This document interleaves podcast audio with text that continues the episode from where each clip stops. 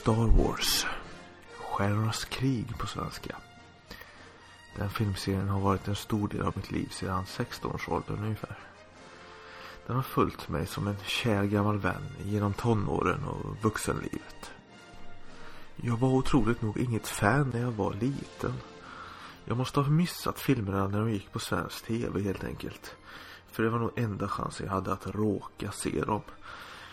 Jag minns inte att mina vänner pratade om de här filmerna, att det var något speciellt eller sådär. Däremot så lånade jag filmerna bandade på VHS av en kompis på gymnasiet. Och det tände gnistan. Sen gick Special Edition upp på bio 1997 och jag sprang och såg allihop och blev ett fan på riktigt. Sen köpte jag Special Edition boxen på VHS så fort den släpptes i en guldfärgad eh, snygg papplåda. Beställde den på Ginsa kommer jag ihåg. Redan från början tyckte jag att Expanded Universe som koncept var extremt coolt. För jag fattade redan från början att det fanns så mycket mer än bara filmerna. För det fanns det. Sällan har More Than Meets the Eye varit mer sant än med Star Wars. Det fanns hur mycket som helst att se och upptäcka. Varje gång man såg filmerna så upptäckte man någonting nytt. Varenda varelse som skymtade i bakgrunden hade en novell eller en berättelse att berätta. Jag började köpa Star Wars böcker, serier och eh, rollspelsböcker. Och ju mer jag utforskade en galax långt borta ju mer nyfiken blev jag. Och ju mer hungrig blev jag på mer kunskap. Efter ett tag visste jag fan allt. Jag kunde allt om olika eror i galaxens historia. Jag kunde allt om alla planeter som förekom både i filmer och böcker och alla märkliga folkslag, alla aliens, alla xenomorfer som rollspelet kallar dem. Min favorit var Itorianerna. Iforians. Det fredliga hammarformade folket. De hade hammarformade huvuden. Eh, en Itorian syns i en kort glimt i eh, första filmen A New Hope från 1977. I den här barscenen där man ser massa rymdvarelser skymta förbi. Itorianerna som sagt. Ja, jag mådde riktigt dåligt alltså när Yusam Wong förstörde deras hemplanet. Djungelplaneten Itor i bokserien New Jedi Order för många år sedan. Det var inte så roligt alltså. Men med tiden tröttnade jag lite grann. Och började, gud förbjude, med Star Trek istället. Star Wars var inte lika kul längre. Det var liksom ett barnkalas. Man hade blivit lite för gammal. Man var inte längre bjuden på barnkalaset kändes det som.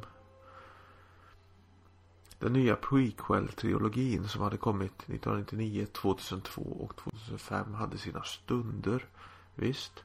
Men jämfört med originalfilmerna så var det lättuggad snabbmat som lämnade en fadd eftersmak i munnen. Jag övergav aldrig Star Wars helt. Men mitt förtroende var definitivt sargat.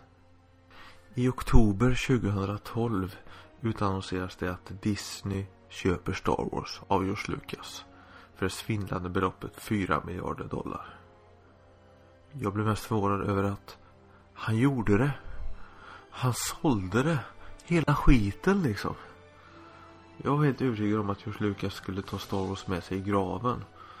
Och låta sina barn förvalta arvet likt Tolkien eller Astrid Lindgren. Men nu ägde Disney Star Wars. Det är helt sjukt liksom. Samma företag äger Långben och Jar Jar Binks. Kanske är logiskt på ett sätt i och för sig men. Nu kunde Disney göra nya filmer om de ville. De kunde gräva upp gamla karaktärer och blåsa nytt liv i dem. Och det, det tänkte de göra också. Jag har läst hyllmeter och visste allt om Luke Skywalker. Han Solo och Leias vidare äventyr i en galax långt borta för länge, länge sedan. Men nu har Disney skjutit in allt det gamla under Legends. Och det har inte längre hänt. Och nördar som mig vet ingenting längre. Den 16 december fortsätter rymdsagan i en sjunde del som vi aldrig trodde vi skulle få se. Nu är inte George Lucas med i matchen längre. är helt absurt egentligen. Förväntningarna är extremt uppskruvade. De är på 11 liksom på en 10-gradig skala. Och jag hoppas bara att kraften fortfarande är stark. Med Star Wars.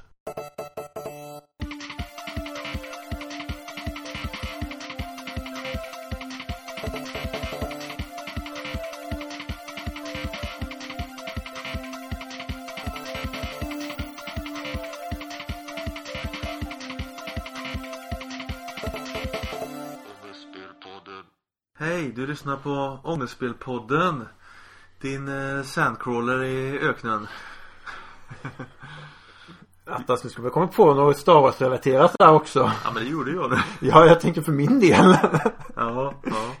Ja, ja, du var inte med på den passningen riktigt. Nej, jag fick bara upp din droid i blasten men det hjälper ju ingenting alls. Säger ju ingenting. Din droid i blasten. Ja. Ja, vi som sänder är Daniel Lennér. Och Jimmy Bäckström. Och det första ångestspelpodden vi spelar in i mitt nya spelrum slash kontor.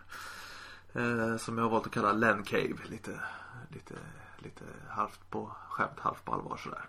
Det är Star Wars som är temat för den här podden i alla fall, tänkte vi. Mm. Och vi ska se vad det är för stort eh, Star Wars, eh, för stor Star Wars samling som du har. Du har ganska mycket grejer så vitt jag har förstått. Ja, jag har ju nördat Star Wars eh, mer än vad du har gjort, har jag förstått. Ja, det har du definitivt gjort, det kan jag säga. Eh, så jag tänkte det här avsnittet eh, kunde bli lite att eh, vi snackar om min eh, samling och så. Mm. För att det kommer ju en ny film nu i veckan. Det är väl ingen som har missat det. Nej, det tror jag nog inte. Och Star Wars historien kommer ju att skrivas om lite grann med den här nya filmen. Det har vi ju alla förstått. Så jag tänkte liksom att det är lite sista chansen att prata, prata om det gamla lite grann så. Och Mm. göra nu. Ska vi köra igång då? Det tycker jag. Eh, man kan ju angripa Star Wars på många olika håll. Det ena hållet är att man helt går in i världen där och, och, och liksom säger att det, det har hänt på riktigt och finns på riktigt allting och så här. Eh, Och det andra sättet är att man studerar det som eh, filmer liksom och lär sig allt om eh, produktionen och i vilken ordning filmades det och vart byggde man studio och sådana här saker. Eh, Jag har väl egentligen varit mest eh, inställd på liksom nörda världen och så. Men jag har några böcker om eh, tillkomsten av filmerna. Faktiskt. Det verkar som du har mest av New Hope. Ehm, Ja, jag har valt att lägga fram New Hope här på bordet för att inte bordet ska bli fullt. Eh, Men det finns ju de här eh, The Art of Star Wars. Eh, eh, Väldigt eh, fina böcker. Det som är roligt med de här böckerna är att det är konceptteckningar eh, på karaktärer och sånt där. Ritningar på robotar och skepp och sånt. Eh, Och lite foton på filmen. Men parallellt med detta så är det alltså manuset då till filmen. Bildmanus. Eh, bildmanus är inte i sin helhet. Eh, bara lite rutor här och där. Eh, då får man köpa en annan bok om man ska ha story, storyboarden. Jo men det är faktiskt sant. Det finns eh, böcker med storyboard också. Och eh, jag har till de tre första filmerna här. A New Hope, Empire Strikes Back och Return of the Jedi. The Art of Star Wars. Eh, men jag gillar den där första allra mest för att eh, konceptet Star Wars var ju inte färdigt när de där konceptteckningarna gjordes. Så att eh, Han Solo ser ju helt annorlunda ut på konceptstadiet. och Luke Skywalker ser helt annorlunda ut. Luke var ju en tjej till att börja med till exempel. Ja, jag har för mig sett någon sån här konceptfigur på. Mm. Mm. För några år Det sedan. där var nog eh, Oj. eh, Van Kenobi där som du fick förbi på någon bild där. Skäggig general, lite äldre. Där ja. Så att eh, det var mycket som ändrades under resans gång där. Han Solo. Det var Han Solo till och med. Mm. Ja, ja. Där är han ju lite mer som han blev i filmen så. Ja, lite mer Harrison Ford-aktig. Men eh, de tycker jag är kul, de här Art of böckerna. Sen släpptes det för några år sedan. Eh, eh, den här stora tunga boken. Den är stor och tung som en telefonkatalog ungefär. Fast bredare. För de som kommer ihåg hur de ser ut. Ja det är sant, bara det är ju Mm. nördig referens nu för tiden. Den här släpptes, vi ska se. Eh, det var på 10-talet. Det var 2000. Eh, 2007 står det i och för sig här. Kanske är så länge sedan då. Eh, det är i alla fall en stor tung silverbok. The Making of Star Wars. The Definitive Story Behind the Original Film. Det handlar bara om den första filmen. Som sen fick namnet The New Hope då. Eh, och här kan man alltså läsa vad skådisarna åt till frukost när de spelar in filmer. det är nörderi på den nivån alltså. Men det som är kul med den första boken om den första filmen är det är att eh, George Lucas eh, eh, tankeskvalp till den första filmen är med. Hans, eh, hans egen fandom till Blex Gordon och matinéäventyr och sånt där. Eh, så att jag tycker att den är lite mer läsvärd än de som kommer senare om uppföljarna. Faktiskt. Är detta den ultimata boken om då eh, första filmen? Ja, det skulle jag kalla det. Det är svårt att hitta en grundligare bok i alla fall. Eh, sen kan man då köpa en lika stor tjockbok för Empire och en lika stor tjockbok för Jedi också om man vill ha den ultimata samlingen i hyllan. Eh, fast de, de är riktigt bra faktiskt. Köpvärda. Ja, det är riktigt fina grejer. Mm. Jag har inte läst hela men jag har läst eh, här och där väldigt mycket i den.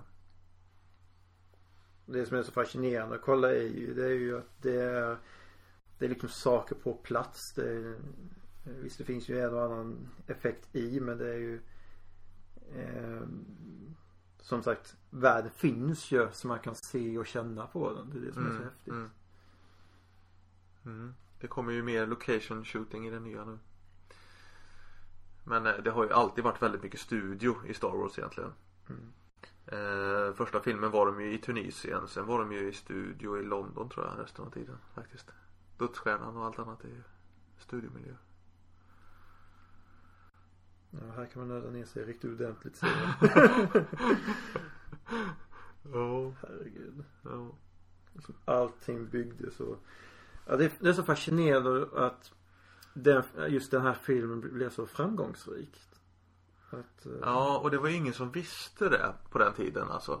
De började 1975 och jobba med Star Wars liksom och eh, alla tyckte ju att det var, eh, alltså, vad är det här liksom? Barnfilm liksom. De som gjorde specialeffekterna och så här de satt där och byggde sina skepp och de trodde inte det skulle liksom lyfta och bli något, att någon skulle bry sig alls liksom.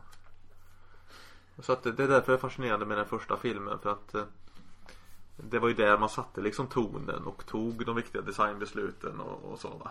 Och sen har ju allt annat fått rätta sig efter det. Mm. Ja, det, det är som jag sa, det är så fascinerande att vissa filmer får eh, liksom hamna i glömska som är jättebra. Så finns det andra filmer som också är jättebra men som får den här statusen. Mm. Det, det är härligt. På samma spår här. Eh, filmer. Böcker om, om filmer. Böcker om filmen. Eh, det här är ett, en favorit i samlingen faktiskt. Eh, det är The Star Wars Scrapbook. The Essential Collection. Jag har fått av min vän Petrus som bor i USA nu för tiden. Eh, han köpte den här på bokrea eh, där men det var en riktig, riktig, riktig guldskatt faktiskt. Eh, den, ser ju lite barnslig ut med sina flikar och grejer här. Liksom Eh. scrapbook. Men den fokuserar då på samlande. Eh, Mm. eh, så att eh, det är alltså bilder på olika saker som har med filmen att göra. Eh, brevpapper, tygmärken, eh, olika grejer. Vi ska se här. Lite så här promotionbilder. Det var häftigt. filmen. Jag sa Star Wars at the Man's Chinese eh, Theater. Ja. Eh, här är en C4PO-mask som man kan klippa ut om man vill. Eh, här är de här berömda Kenners eh, figurstands. De fick ju inte fram leksaker till första julen när filmen var ute. Mm. Då sålde de såna här displayer. Så, så här, du får ingen leksak nu men du får någonting att ställa dem på när du får dem sen. det var ondska. Jag ska se, någonstans här finns det lite byggsatser och så man kan ta loss och, och vika om man vill. Mm. Jag vill inte jag, då förstör man ju boken.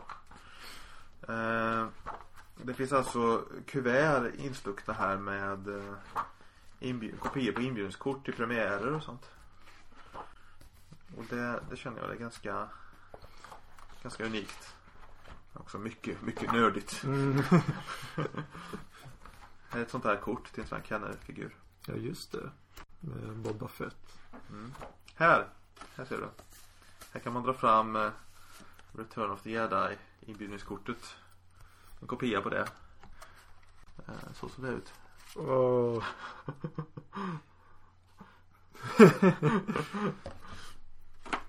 det, det, här, det här är riktigt nöjd. Jag skulle nästan säga att om man har liksom all den kunskap och det, det intresset för Star Wars eh, så är det nog den boken som man eh, faktiskt helst skulle vilja ha.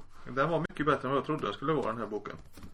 För man får lite så här, lite så här barnsligt intryck när man tittar på den. Eh, Just den här grejen och, och så.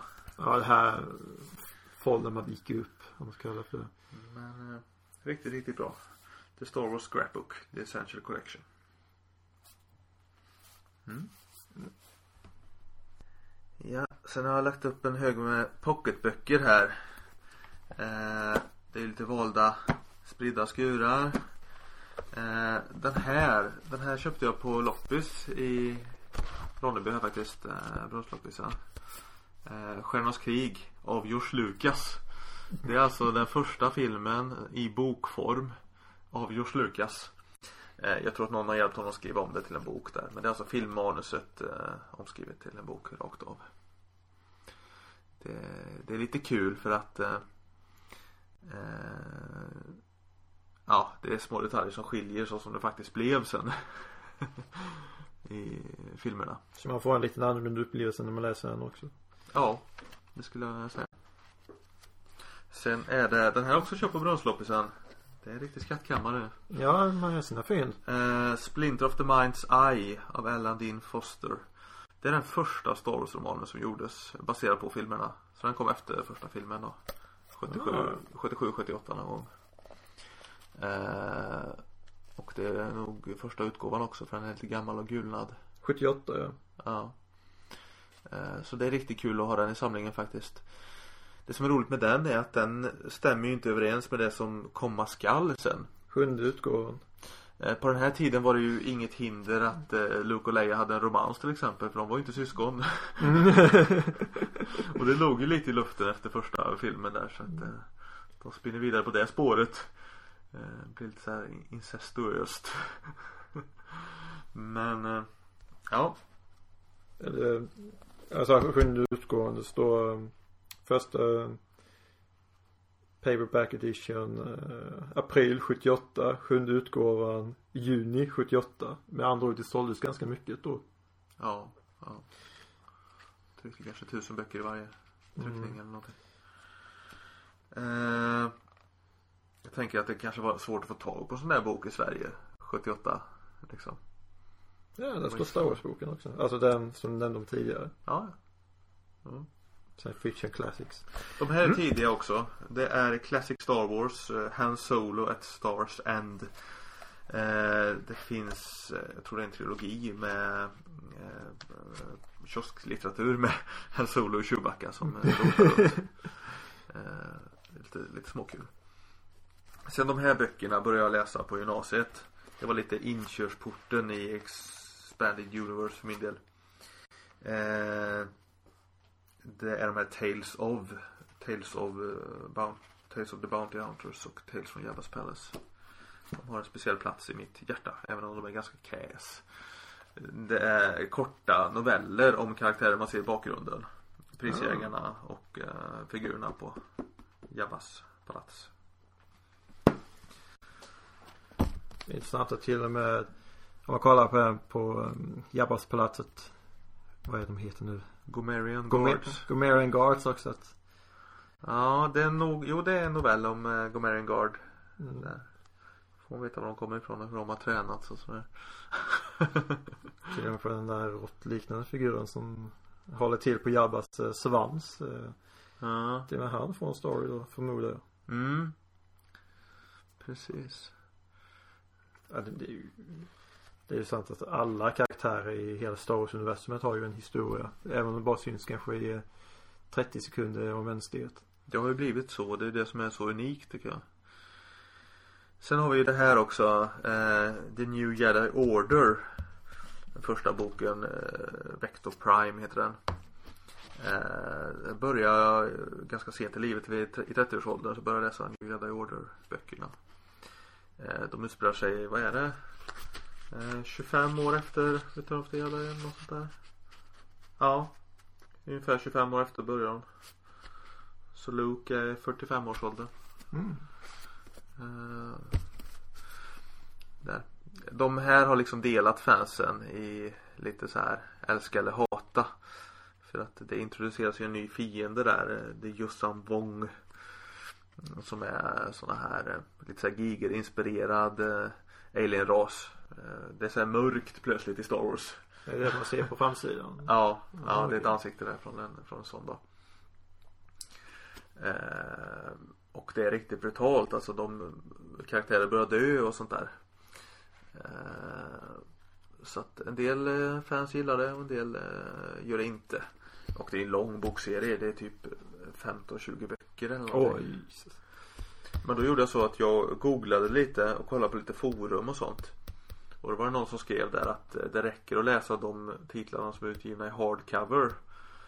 För att de släppte liksom, säg att det är 20 böcker i bokserien. Mm. Då släppte de 5, 6, 7 böcker i hardcover. Som var liksom nyckelböckerna. Här händer allt det viktigaste. För att det övriga är bara utfyllnad. Om man ska kalla det för Ja, det är annat bös i, i de böckerna. Och då gjorde jag så att då läste jag bara nyckelromanerna alltså i sviten. Mm. Och så no, några sådana här fill-ins eh, läste jag också men eh, Huvudsak eh, nyckeltitlarna det, det är mycket nog ändå Ja, Om man säger så eh, Sen vet jag la fram den här också apropå hardcover. Mm, just det. Eh, det är också en favorit i samlingen här Som jag läste ganska tidigt Köpte den på gymnasiet eh, Det är eh, Shadows of the Empire Det känns lite mer modern. Alltså när man kollar på omslaget. Den, det som är speciellt med den boken är att den Den utspelar sig mellan Empire och Jedi Så att Han Solo är inte med, han är infrusen i karbonit hela tiden. Eh, Men jag tycker den, är, tycker den är bra faktiskt. För det, det går ju rätt mycket tid mellan filmerna där. Det Mm. vet ju fansen, det tänker ju inte övriga vanliga människor på men det går ju typ ett halvår eller någonting mellan filmerna där. Och man vet inte om Han Solo är död eller vad som har hänt med honom riktigt. Och då utspelar sig den boken. Jag tycker det funkar rätt bra. Sådana här saker som man aldrig får veta i filmerna. Till exempel Lukes ljussabel, var han får den ifrån och sånt där. Det reder de ut i boken då.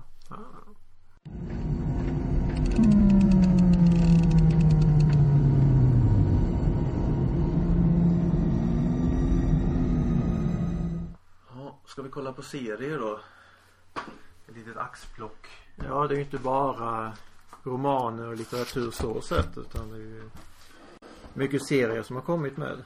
Det är bara ett axplock eh, som sagt ur samlingen här. Eh, eh, hur gör du med dina traded paperbacks? T- TPB'er. Eh, Behåller de i plasten eller inte? Eh, nu har jag faktiskt börjat ha, låta dem vara kvar plast eller skaffa plast till de som jag vill ha kvar. Men annars tidigare gjorde jag det inte. Jag är lite så här, jag gör det ibland och det, det är inte speciellt snyggt i hyllan och det prasslar och, och sådär. Eh, Så att, eh, ja. Där har du Shadows of the Empire, det är ju serieversionen då på eh, romanen då. Mm. Och det är faktiskt en helt annan story i serien. Eh, det uppskattar jag när man gör generellt sett kan jag säga för att då är det vits med att läsa både serien och eh, boken va. Här följer man prisjägarna mer. Så att de har tänkt liksom att, att det är lite mer visuellt, lite mer actionladdat. Mm. Även om det i grund och botten är samma story. Eh, så att, eh, mm, den är bra.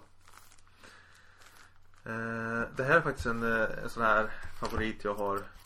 eh, Ingen annan någonsin som har lyft fram den här serietidningen vad jag vet. Eh, Den heter Star Wars Underworld. Djavin Vasilika tror jag.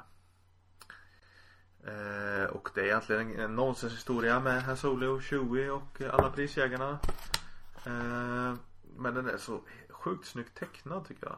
Den är väldigt amerikansk tecknad. Ja. Kan, kantiga detaljer och Jag har visat den förut för dig vet jag. Eh, Mm. Det är lite såhär graffiti-stil. Det är väldigt svängiga figurer och sånt där.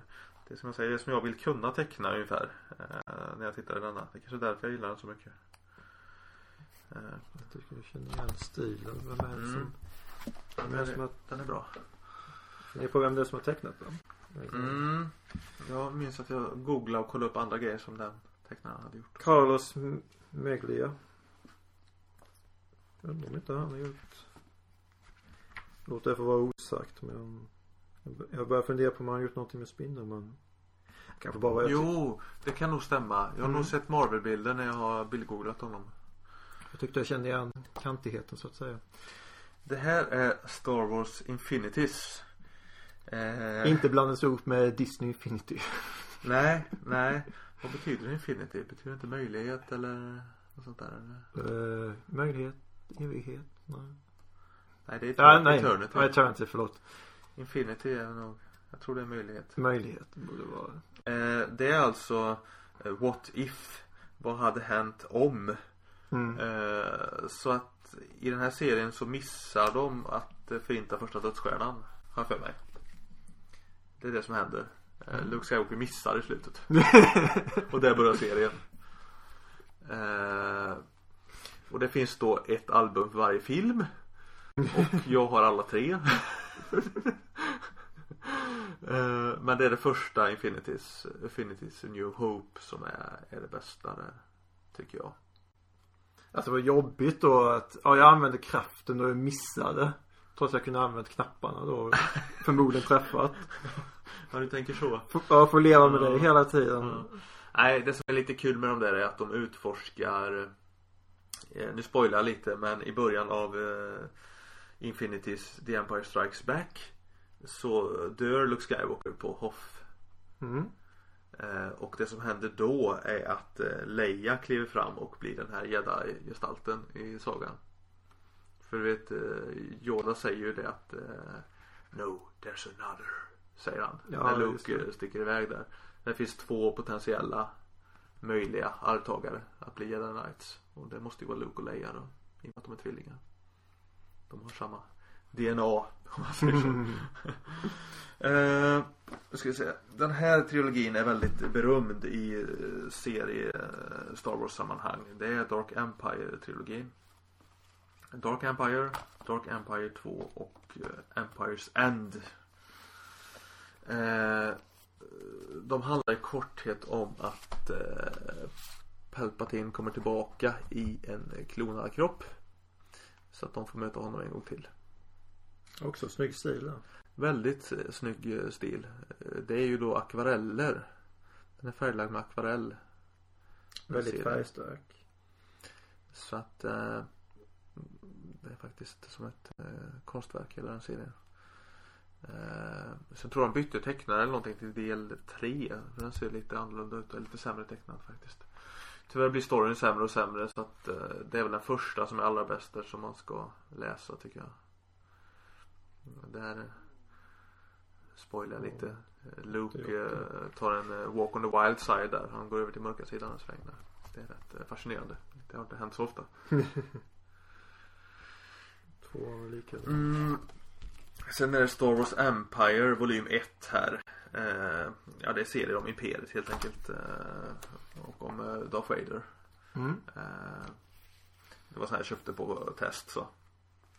Men det är ganska kul om man gillar sånt. Tycker att det är för lite Imperiet i filmerna. ja men det är ju det. Imperiet har ju många fans. Ja. Många som gillar the dark side. Och sen har vi, det här tycker jag nästan är det mest spårade som har släppts. Det är Star Wars Legacy heter den här serien. Och då har jag bara första volymen men det finns jättemånga volymer. Eh, 10-15 stycken tror jag.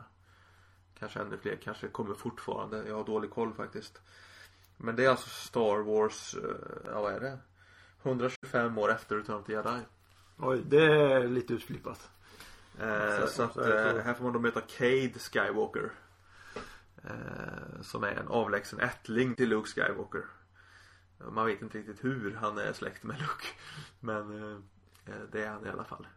Och Cade är ju en sån här, han är en outlaw liksom. Han är ju smugglare och pirat. Har jag för mig. Så att det är liksom en helt ny story. Med helt nya karaktärer. Och sådär. Är det något imperiet med fortfarande eller något liknande? Ja, det, det är något nytt, eh, något nytt imperium. Ja, där ser jag Eh, Stormtroopers. eh, Där. Mm. Och det är en ny, ett nytt gäng SIFs och sånt där. De har brutit upp det här med att siffer bara kan vara två som de kör med i filmerna. Du vet. The rule of two. Just det. One master and one apprentice. Eh, så att eh, Ja, som sagt, jag har inte nördat med mig i Legacy. Jag tycker det är lite, lite far off. Men det finns i alla fall om man är nyfiken.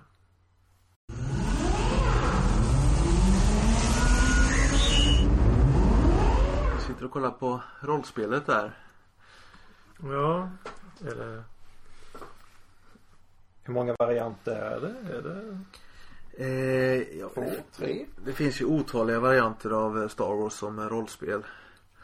Själv har jag väl tre versioner av spelet. Tror jag. Är det ett och samma eller det... Nej, jag får gå igenom lite här nu. Mm. Eh, det här boxen här. Den här vita layouten som dessutom heter Stjärnornas krig. Ja. Eh, det är ju då ett spel från West End Games. Ett eh, gammalt rollspel. Från 80-talet. 87 eller någonting tror jag. Som eh, Svenska Äventyrsspel köpte in och eh, översatte.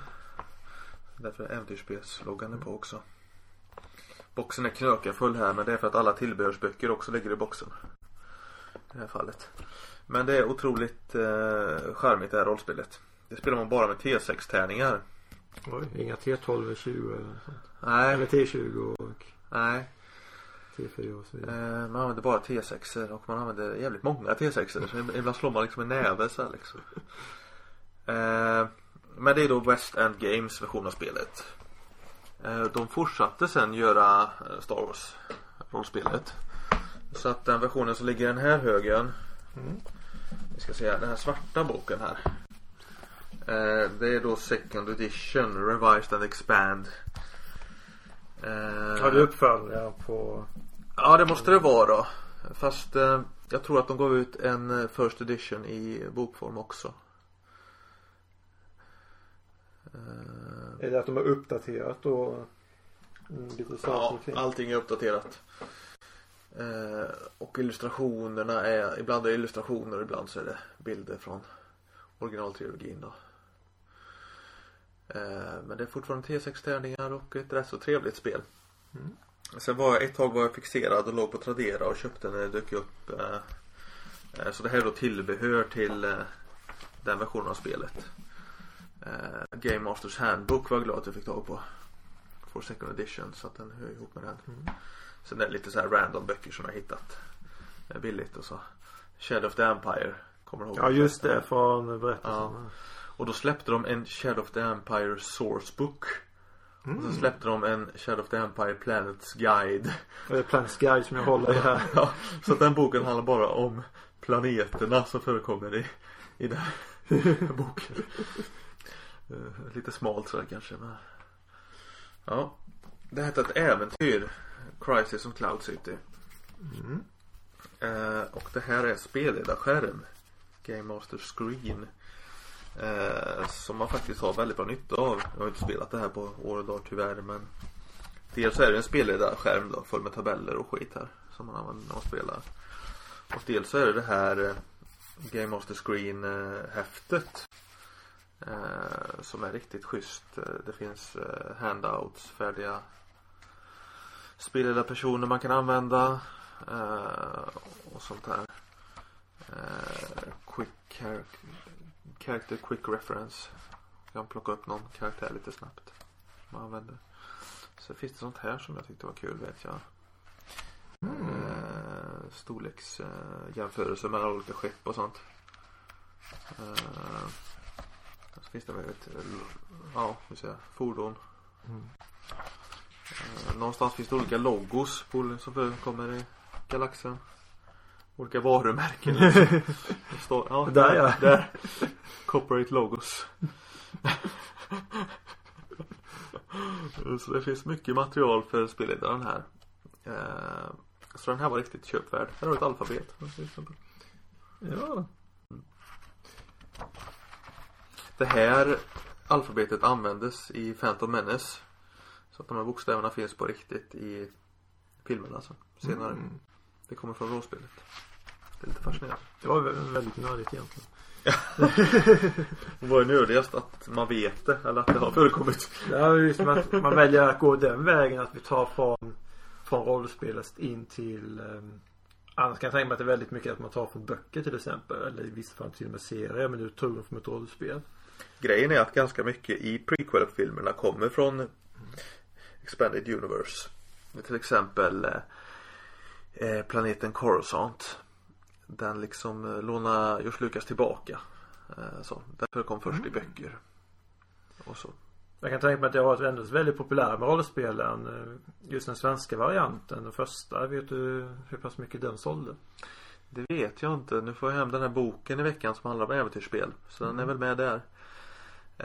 Men jag vet att det sålde inte alls lika bra som de egna märkena. Drakar, Demoner och Mutant. Det var ingen så här supersuccé. Om inte Mm. jag misstar mig. Och jag vet själv att jag köpte spelet men jag spelade inte speciellt mycket. Det var svårt tyckte man att få till Star Wars. På den tiden. Jag vet inte varför. Ja, men det är som du sa innan. Det var väl inte Man hade inte fått in den stora världen. Det var lite, det var lite lättare att fantisera om eh, drakar och demoner så att säga. Ja, det var lite mer pang på rödbetan kanske. Ja. Eh, ett spel är kvar i högen här av eh, Star Wars rollspel. Och det är ju egentligen det här som är grundboken då. Eh, Star Wars Role Playing Game från Wizard of the Coast. Och jag ser att det är från Phantom Menace på omslaget. Ja, här har The Phantom Menace släppts. Och jag plockade upp det här spelet strax efter filmen där kring millennieskiftet. Och vi spelare och hade riktigt kul med det faktiskt. Eh, det, ja, jag tycker det är bra. Det man har gjort är att man tillfört det här level-systemet då från eh, Dungeons and Dragons till eh, eh, spelet då. Och så är det ett helt nytt regelsystem och så. Men eh, Ja, tyckte jag var en bra version. De släppte efter Attack of, Attack of the Clones så släppte de en uppdaterad regelbok där också. Revised Core Rulebook. Den har jag inte. Däremot har jag två tilläggsböcker till den versionen av spelet där. Eh, Dark Side Sourcebook och Rebellion Era Sourcebook. Rebellion Era handlar ju om eh, inbördeskriget då. Rebellerna. Eh, de tre filmerna i originaltrilogin och även det som händer emellan. Till exempel i Shadows of the Empire då. Som vi snackat om tidigare. Så att då bryter de ner allting där på eh, detaljnivå och snackar om det i speltermer. Eh, och sen The Dark Side Sourcebook köpte jag faktiskt bara för den fick så otroligt bra recensioner den här boken. Eh, så jag tycker många är den bästa boken till den här versionen av spelet. Och det är egentligen första gången som man gottar ner sig i den mörka sidan också. Eh, så att eh, den är bra. The Techno Union Army is at your disposal, Count. Ja, men vi har pratat väldigt mycket nu om romaner och eh, serier och även i rollspel. Mycket papper. Mycket papper ja. Men däremot så någonting som de flesta som höll på just med, eller var intresserade av Star Wars, det är ju alla leksaker. Och eh, för egen del, även om inte jag gått ner med så pass mycket Star Wars som, som Daniel har gjort. Så jag hade faktiskt eh, två figurer minst. Det hade du? Ja, jag hade Jag vet faktiskt inte riktigt varför jag hade dem men jag vet att jag hade och det var det Någon Ewok vet jag. Jag har mössan kvar. Jag kommer inte ihåg hur figuren såg ut men jag har mössan kvar i alla fall. Eh, men jag vet att det var en Ewok. Då var det nog Wicket. De andra har inte mössa tror jag. Ja, det är mycket möjligt att det var den. Och sen var det Leia från Hoff över vinterplaneterna. Ja, Mm. det här har du sagt tidigare. Det känner jag igen. Ja, eh, den, den figuren har jag kvar. För egentligen är leksaker och plastgubbar ju ditt gebit egentligen. Ja, det är mitt lilla område. Men jag, har- jag har lite, jag har en låda här med ja, du har lite fler där däremot. Star Wars-gubbar har jag några stycken. Hur många vet jag inte men jag, vi sätter upp några stycken på bordet här tycker jag. Jag tycker de är väldigt eh, fina för de ser ut nästan precis som i filmen. Här har du C3PO till exempel. Ja med tanke på när många, många när leksaker körs brukar det vara billig plast de får kalla det för det och eh, ja, de ser inte bra ut helt enkelt men just dessa ser bra ut och det var ju Kenner var det som gjorde dem. Ja. Kenner eh, gjorde mellan eh, 1978 och 1985 den här klassiska vintage-serien. Eh, idag säger man ju så. Mm. Oj, oj, 78 till 85 vintage kallar man dem. Och det är de som de flesta samlare vill ha. Eh, det här är nästan min favorit, Boba Fett. Eh, väldigt eh, fin. Det är väl är svårt, de kan stå men det är svårt att försöka. de flestas favorit. Boba Fett. Ja men just eh, leksaken. Jag tycker Mm. den är väldigt eh, fin. Fin modell så. Här har du kejsaren. Han skulle nog vinna över de andra gubbarna tror jag. Om det var versus battle här. Jason kommer jag ihåg för han kunde göra sådana roliga karatsparkar. Ja just det. Som han inte kunde göra i filmen egentligen. Nej, nej det är lite hur man löst eh, designbeslut. På dem. Här är, här är Lando. Med sin instoppade blå skjorta. Just det. Och här, här har vi Chewbacca. Det är lite roligt. Jag märker till att han har huvudet längre än de andra. Ja, de har tänkt på det med. Det är ju riktigt bra. Eh, här har vi då en annan Boba Fett. Ur, jag tror det är Power of the Force-serien. Och om du då jämför den och original Kenner eh, Boba Fett så ser du ju vad de har gjort med honom. Han, har större bröst och mindre midja. Han har gått på anabola helt enkelt. Ja. Gymmat en del. Han har gått lite Arnold. Tycker jag att eh, den här varianten är klart snyggare. Ja, definitivt. Alltså Kenner-varianten. Alltså den första varianten. Här har vi en, sån här Snowtrooper. En Hoff. Det är faktiskt någon, om jag skulle ha någon fler, mer Star Wars-figur så är det en Stormtrooper. Eller såhär Snowtrooper jag skulle tänka mig att ha för att de gillar jag. De här, alltså det finns Det finns vissa figurer som jag tycker är riktigt, riktigt snygga i Star Wars-universumet och Snowtroopers är en av dem som jag nämnde precis. Du kan tänka dig att bara börja samla på, på dem specifikt liksom. Ja, jag skulle inte ha någonting emot det. Det är för smalt. ja. Här har vi, ja vad heter de nu igen? Aqualish eh, tror jag de heter. Nej, Quarren heter de. Quarren, de här varelserna med bläckfisk eh, ansikte. Vad är det de dyker upp? Och inte alls höll jag på att säga. Return of the Jedi är de med i Jabbas palats. Jag har misstänkt att det var något sådant ja. Det som är kul är att han har kvar sin tygmantel. För Mm. många figurer hade ju tygmantel eh, och så då. Eh, ja, här har vi lite mer. Här har vi en Gomerian Guard. Väldigt Mm. fin eh, figur. Ser ut precis som i filmen. Jag hade en en guard eh, på, när jag var lite äldre som jag fick av en kompis som jag hade då fast de hade Eller han hade lagt en smällare uppe på huvudet och smält av. Många Så- sådana här figurer gick ju sånt öde till mötes. Det eller typ eh, luftgevär. Ja. Eh, gör lite ont i hjärtat att tänka Oj, på. oj, oj, oj, dominoeffekten här. Eh, här har vi en Ewok i alla fall. Eh, jag tror det är Paolo eller Pablo eller något heter den här. Det är väl hövdingen om man får kalla det för det. Ja, det kan det vara kanske. Jag köpte jag för en femma på brunchloppisen. Det är lagom pris. Som sagt, man gör sina fynd på loppisar. Det är de flesta figurerna. Bosk har ju 2x till exempel. Mm. Prisjägaren. Eh, det här var en av de första figurer jag fick. Fick jag av en kompis. Eh, när jag fyllde 18 tror jag. Så letade han i lådorna hemma och gav mig lite gamla leksaker. eh, tyvärr saknar han ett ben. Men det här är ju den här roboten man ser i Return of the Jedi som eh, styr i tortyrkammaren. Man ser Eh, han bara i en kort stund? Ja, och han bränner en annan robot under fötterna. Ja, just det. En... Um, eh, jag kommer inte ihåg vad den En sån här power droid. En Ja, sån här precis. fyrkantig sak med en låda med ben på. Eh, och det är en väldigt rolig leksak, en tortyrrobot. kan du få att leka med. Ja, eh, jag vet inte hur många gubbar är det? Jag räknar med en 2, 4, 6, 8, 10, 12, 14, 15. 16, 17, 18, 19 då. Ja. Jag har några från Episod 1 också men de är inte så roliga. att prata om. Nej, jag har liksom ett tag satsade jag på det här med Star Wars eh, leksaker. Men jag har liksom aldrig hårdsatsat på det. Eh, så. De är ju värda eh, mellan eh, 50 lapp och ja, 150 typ. De här figurerna.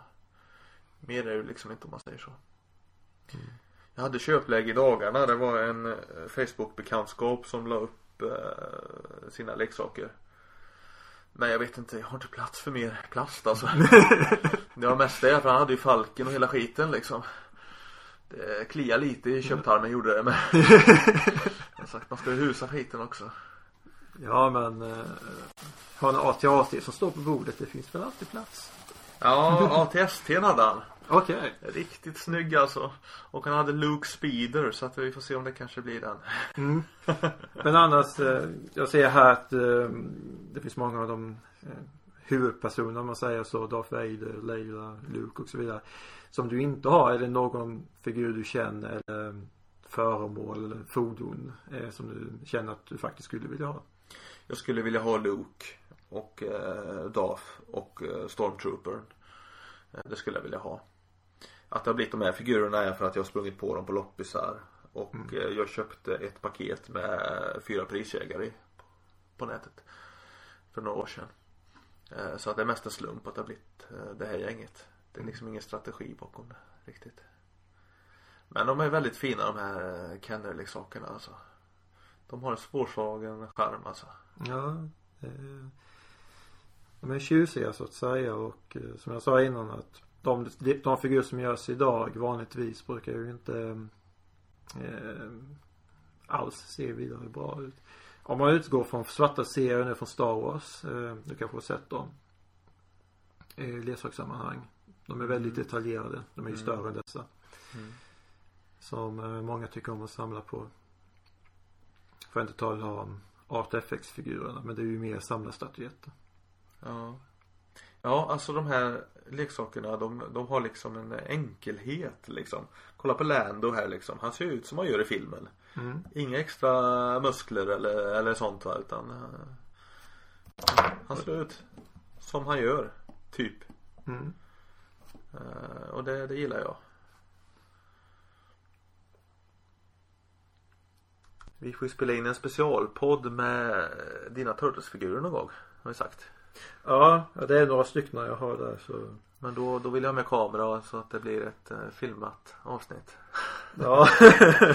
Jo men, jo, men det ser jag fram emot faktiskt där. För att eh, jag var ju aldrig inne på Turtles-leksakerna. Jag var inte inne på Star Wars-leksaker heller när jag var liten. Det är det som är ironiskt i alltihop. Börjar med detta när man fyller 18 liksom. Ja. Nej men just det. För min del så var ju främst figurerna jag gillade just med Turtles men Star Wars grejerna om man går in där igen.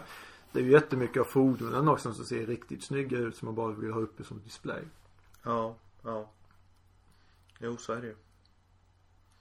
Det finns ju någon som har byggt in en Dreamcast i Millennium Falcon också. Jag har för mig jag har sett någon som byggt in någon GameCube i en AT-AT. så det har många användningsområden.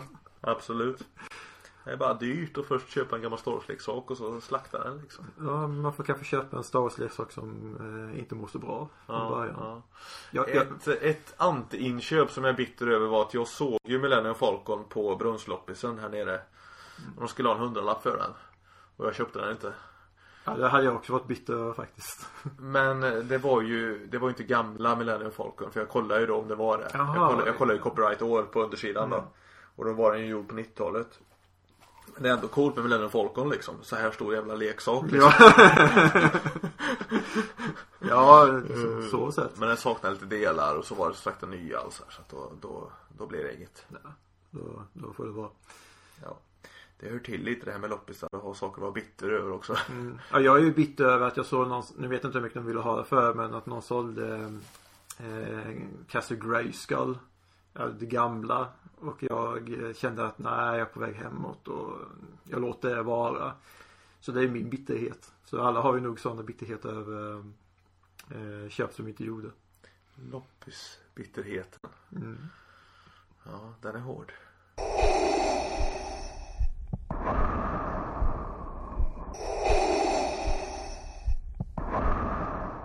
Är bara jag som pratar i avsnittet känns som. Men det är väldigt mycket eh, dina grejer som vi har pratat om. Jag tänkte det. Jag pilar upp mina Star Wars-prylar och så spelar vi in ett avsnitt och ser vad som händer lite grann. En sak som slog mig nu faktiskt är att eh, jag har väldigt mycket böcker och sen figurer och serier. Men jag ser ingen poster uppe. Nej, eh, som sagt jag har inte flyttat in riktigt än. Nej. Eh, Jag har en stor inramad affisch på Return of the Jedi. eh, Som står i garderoben. Jag vet inte om jag ska sätta den på min röda vägg här. Det är det som är grejen va. Allt passar ju inte på en röd vägg. Ja, det är ju sant. Och andra väggar har jag inte. Där bakom tvn ska mina autografer sitta. De har vi inte gått igenom men i en av böckerna där i hyllan så ligger det fem sex eh, autografkort signerade Star Wars skådisar. Ja. Är det som du har träffat eller? Ja. Ja, okej. Träffat på olika mässor och konvent. Och de tänkte jag rama in eh, en och en och sätta bakom eh, tvn där på den väggen. Mm.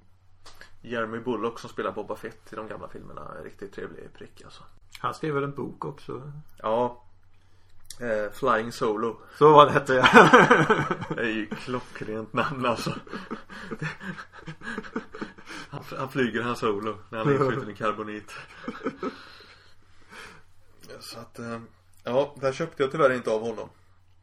Hade jag levt om mitt liv så hade jag köpt den boken där. Eh, Också återigen sån här ånger. Ja, för att han gjorde ju print on demand där så han tryckte ju upp 1000 ex och så sålde han dem på konvent runt om i världen liksom. eh, Hand, eh, hand till- hand liksom eh, till fans och, eh, och sen tog det slut liksom. Ska vi runda av den här podden då med lite, lite förväntningar inför nya filmen på onsdag? Mm. Ja, det är snart nu. Det är mindre än en vecka dit. Har du sett att biljetterna sitter här? Just det, där sitter de. Ja. Vad står det för tid nu? Eh, vad står det för tid? Det står klockan eh, 21.15. 21.15 ja. Lite biljettprassel. Här har ni våra biljetter till The Force Awakens. Skägget. Mm. Onsdag 16 december klockan 21.15. I Ronneby. Mm. Och sitter här med Star Wars-magneter. Ja, det ska bli spännande att se um, eh, efter den här stora väntan hur det kommer se ut. Ja, eh, får se hur mycket de gamla karaktärerna är med. Eh, Han Solo och Chewbacca är nog med en hel del i alla fall. Det tror jag. Mm.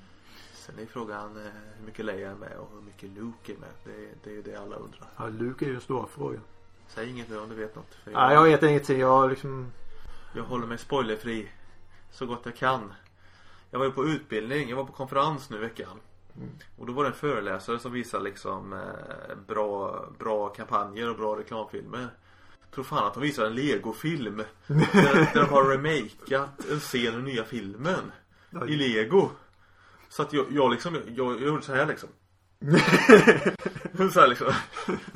Men jag såg ändå liksom, jag fick en skymt liksom. Jag bara, nej, jag vill inte se det här. Ja men lite som jag när jag har tvn igång. Jag brukar ha den när jag tecknar och eh, nu börjar han ju visa Star Wars reklamen. Ja, Och eh, såna här tv-spots. precis. Och, och jag, jag tror att det är lite annorlunda mot vad man har sett tidigare. Men i alla fall så fort det dyker upp så gör jag precis som det. Antingen byter jag kanal eller om jag skulle vara långt ifrån eh, kontrollen så håll- håller jag för öronen och sen liksom blunda. eh, Ja, man, just med trailers och eh, tv-spot så finns ju faktiskt eh, någonting man får veta som man inte vill veta. I vissa fall. Det har ju släppts en eh, Aftonbladet har släppt en Star Wars bibel. Den ligger där, sticker ut ur hyllan. Eh, Ja, hur är den? För jag vet att det är många som har tipsat om den. Ja. Eh, den är jättebra. Men som sagt det står jättemycket om nya filmen. Eh, så jag har gjort så att jag har bläddrat och så fort det har varit någonting om nya filmen så har jag hoppat över den artikeln. Eh, Men har du lärt dig någonting där som du inte visste om de tidiga filmerna? För jag tänker om det är något sånt det står om också. Ja, ja och det är ganska eh, ny fakta om man säger så. De är de är i Norge på Hoff bland annat. Okej. Och, och, och, och sådär och folk där berättar att eh, nördar har kommit dit med flaskor och så tagit med sig snö så här. Ja, måste ha vatten så här från Hoff. Eh, och sådär. Det var lite, lite nytt för mig så. Äkta Star Wars vatten från Norge. Ja. Ja. Och det står väldigt mycket om varje film där vart de har varit i världen och spelat in och sånt där. Och det var väl kanske lite nya grejer för mig där. Mm. Mest runt prequel-filmerna för de har man inte riktigt lika mycket koll på.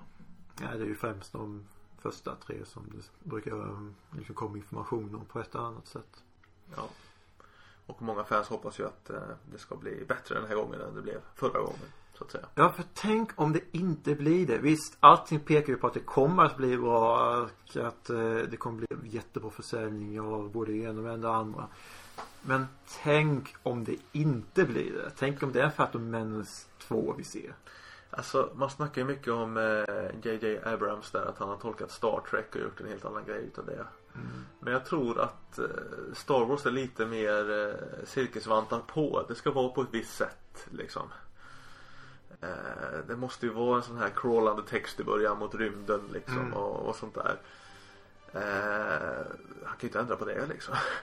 Nej, eh, naturligtvis inte. Men det är ju fortfarande det att han verkar ha gjort allting rätt. Eh, om man ska döma av vad, många har skrivit och vad många tycker. Eh, men eh, men bara för att man gör att någonting ser ut på ett sätt så betyder det inte att det blir bra i slutändan. Jag är, nu låter det som att jag är jätteskeptisk men jag är jag är nyfiken på att se hur filmen ser ut men eh, jag är också så här lite fundersam över Tänk om det inte är så bra som vi tror. Eller vill hoppas på. Mm, mm. Nej, det som är intressant är ju att detta är ju liksom en nystart nu för Star Wars liksom. Det ska komma en film varje år i sex år. Det ska komma den här filmen och fem filmer till. Ja. Och går de bra så kommer ännu fler filmer. Mm. Så att eh, det gäller ju nu att det blir en bra och positiv nystart. Annars så går det skogen längre fram, tänker jag. Spontant så känns det lite för mycket men Som du säger, vi får se hur det ser ut. Det kan ju liksom vara jättebra. Liksom. Ja, precis. Det blir en helt annan grej än det var tidigare. Vi ska ha Star Wars maraton. Vi kollar på filmer i en vecka. Det blir lite den. När all, allting har släppts. Ja, ja. Det ska ju bli episod 7, 8, 9 nu. Mm. Och sen ska det bli tre stycken spin-off-filmer. Den första heter väl eh, Red Squadron eller något sånt där va? Eh, ska ju handla om X-Winger-piloter. I samband med första slaget. Eh, första slaget säger jag. Slaget om första dödsstjärnan. Kommer det komma någon film som handlar om Boba Fett? Ja, Det- det har det- det är rykt, ryktats om det. Jag vet inte. Jättemånga rykten går. Jag har även hört rykten, gam, väldigt gamla men som ska handla om Han Solo till exempel. Ja, en yngre här Solo. Ja. Eh, så jag vet inte. Jag har inte full koll på det faktiskt. Nu fokuserar jag på Episod 7. The Force Awakens. Det, det är mycket nog tycker jag. Jag har lite den här känslan också att den 16 december när, eh, när filmen visas då, då ska man hålla sig borta från nätet. 16 och 17 kanske. Ja, För de som inte har ser det då. du tänker på spoilers. Precis. Eh, dock svårt när man eh, jobbar på internet. det är ju det. Vi ska ju jobba den här veckan också. Och gå på film mitt i natten och såna här grejer. ja, ja. Det går nog bra. Det går nog bra det också. ja. Ska vi ta och runda av? Ja, det ska vi nog göra. Ångestspelpodden 26. Ja. Jag såg förresten, du hade en Star Wars relaterat till. Du har ju en Stormtrooper eh, eh, penställ. Ja, jag har mycket prylar. Star Wars lite här och där. ja, ja. Som sagt, jag har varit mer galen än vad jag är nu. Alltså, ett tag köpte jag allting. Jag har köpt lite mindre på äldre dagar. Ska vi ta runda av där? Det gör vi. Så Det blir inte så mycket spel i det här avsnittet. Det blir mest annat bös. Nej men vi har ju faktiskt ett eh, Star Wars ångestspel-avsnitt. Ja, det har vi. Mm. Avsnitt 9. Precis, och det kan man ju återgå till om man vill ha lite Star Wars-influerat ångestspel. Jag kommer länka upp det på nytt i Facebookgruppen i veckan nu. I och med att det är återaktuellt. Ska vi ta och runda av Ångestspelpodden 26 då? Ja, det eh, blir så dags. Så eh, vi kan göra det sant Star Wars-anda. Må kraften vara med er. May the force be with you.